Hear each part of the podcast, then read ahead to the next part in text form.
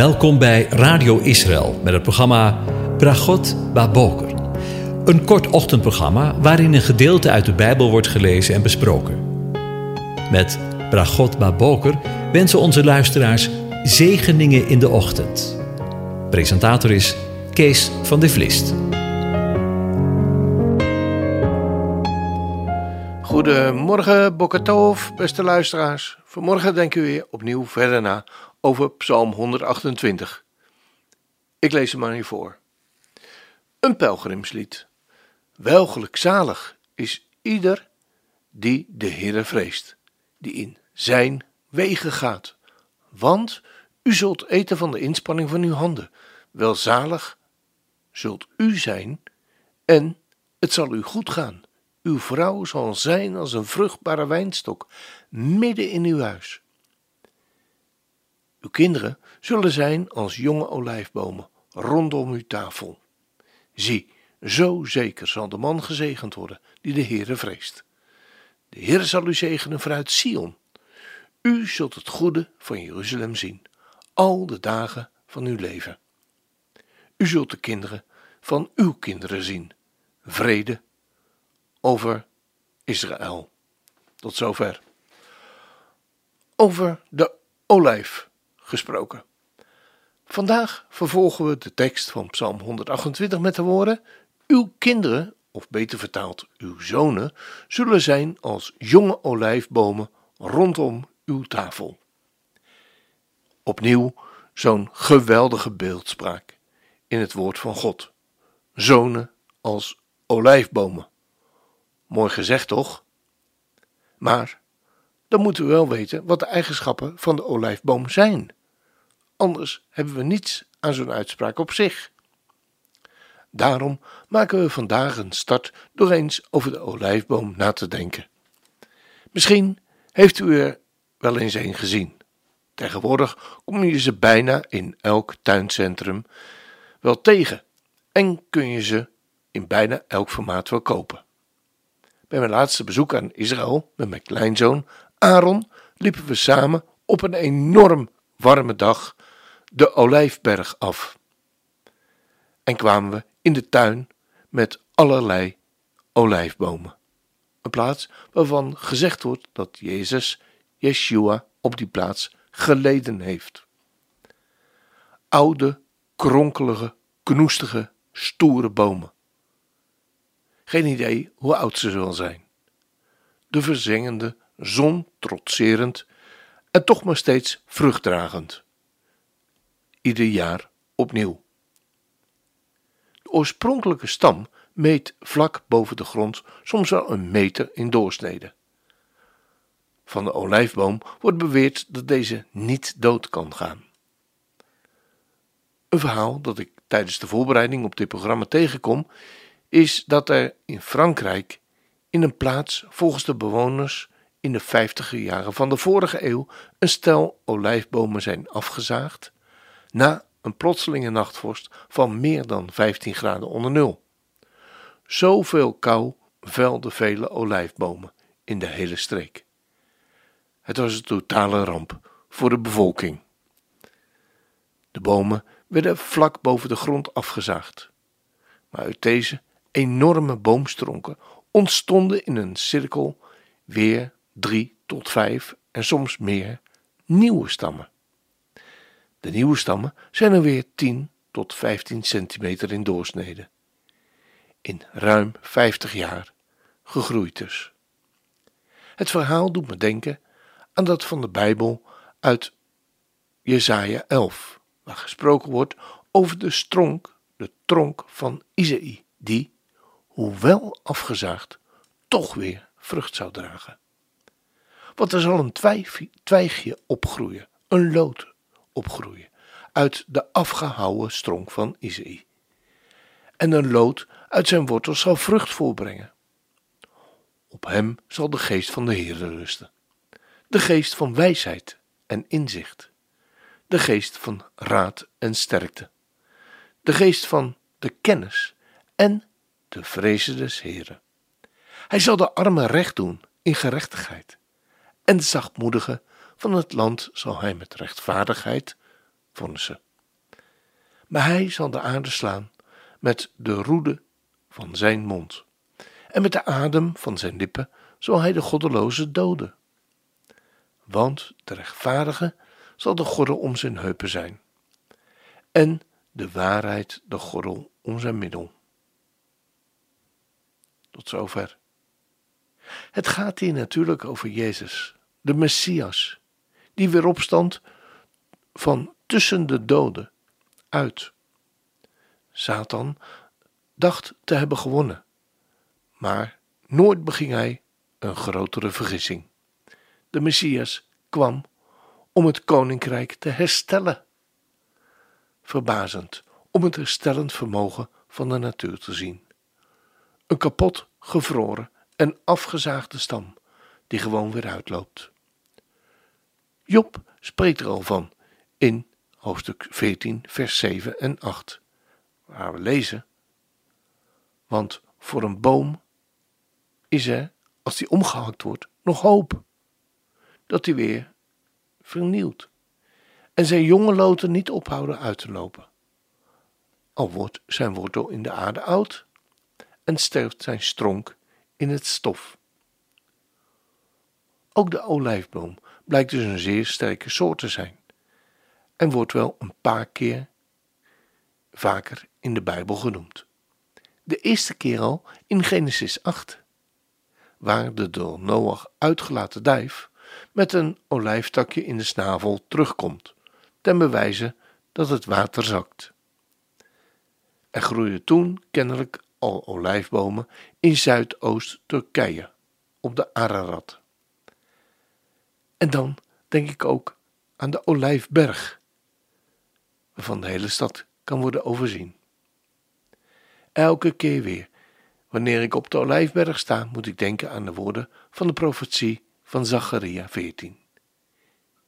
Zie, er komt een dag, voor de Heer er op de buit, op u behaald, in uw midden zal worden verdeeld. Dan zal ik alle heidevolken verzamelen, voor de strijd tegen Jeruzalem. De stad zal ingenomen worden. Lezen we in Jesaja 13, vers 16 ook. De huizen zullen geplunderd en de vrouwen zullen verkracht worden. De helft van de stad zal in ballingschap wegtrekken. Maar het overige van het volk zal niet uitgeroeid worden uit de stad.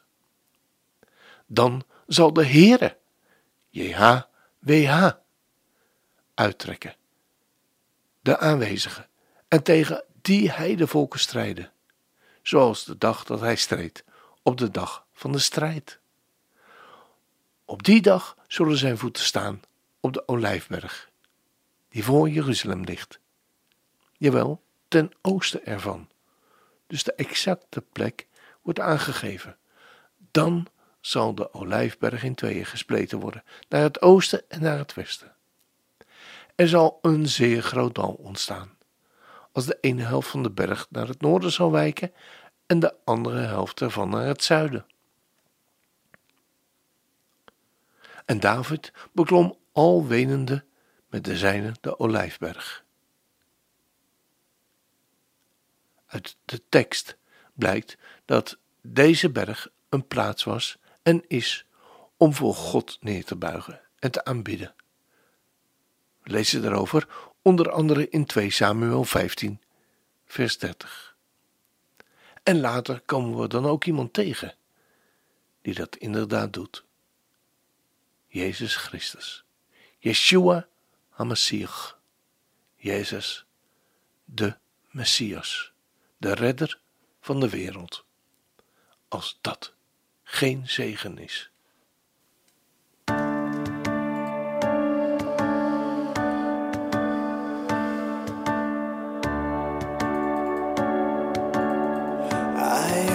Skilled to understand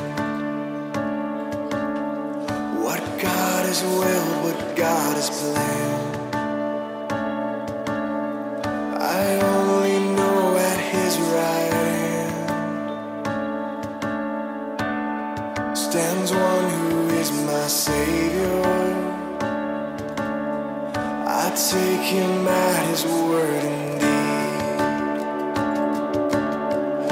Christ died to save me this I And in my heart I find a need Of Him to be my Savior. That He would leave His place on high.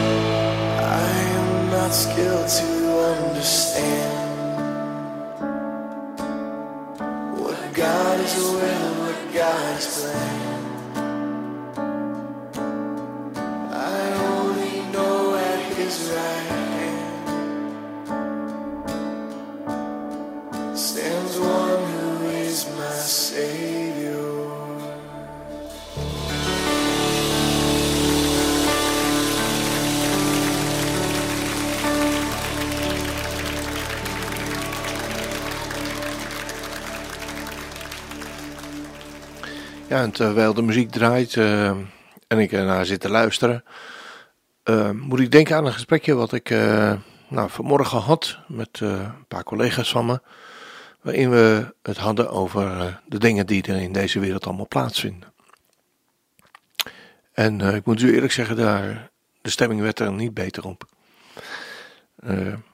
als we zien naar alle crisissen die over deze wereld heen komen, de oorlogen, de honger, de ziektes, eh, een dichter bij huis, de gasprijzen, de talloze mensen die eh, in Ter Apel buiten staan, slapen. Eh, als we kijken naar de prijzen die, die omhoog gaan, de energiecrisis, klimaatcrisis, de rijen bij, bij Schiphol. Nou, zo kan ik nog wel even doorgaan. En dat deden we dan ook. Maar we merkten ook dat we er niet vrolijker op werden. Totdat we onszelf in herinnering brachten dat uh, deze wereld niet afhankelijk is van allerlei menselijke beslissingen, menselijke toestanden, maar dat de toekomst van deze wereld en daarmee van de gelovigen, individueel, voor u en voor mij, afhankelijk is van de redder.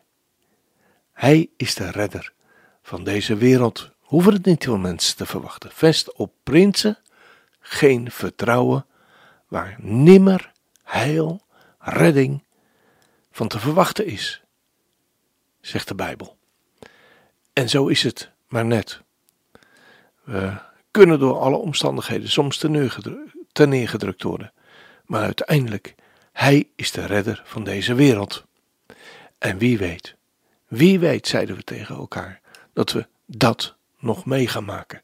Dat Hij komt op de volken des hemels en zijn voeten op de olijfberg neer zal zetten. Want Hij heeft het beloofd. Zoals ik heen gegaan ben, zo zal ik ook wederkomen. Als dat geen zegen is. De Heer zegent en Hij behoedt u.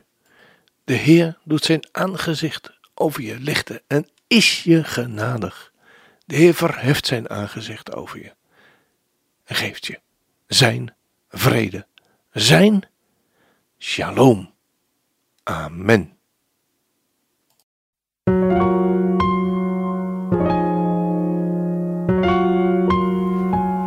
U hebt geluisterd naar het programma Bragot Baboker.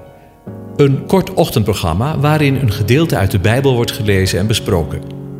Wilt u het programma nog eens naluisteren, dan kan dat. Ga naar radioisrael.nl en klik onder het kopje radio op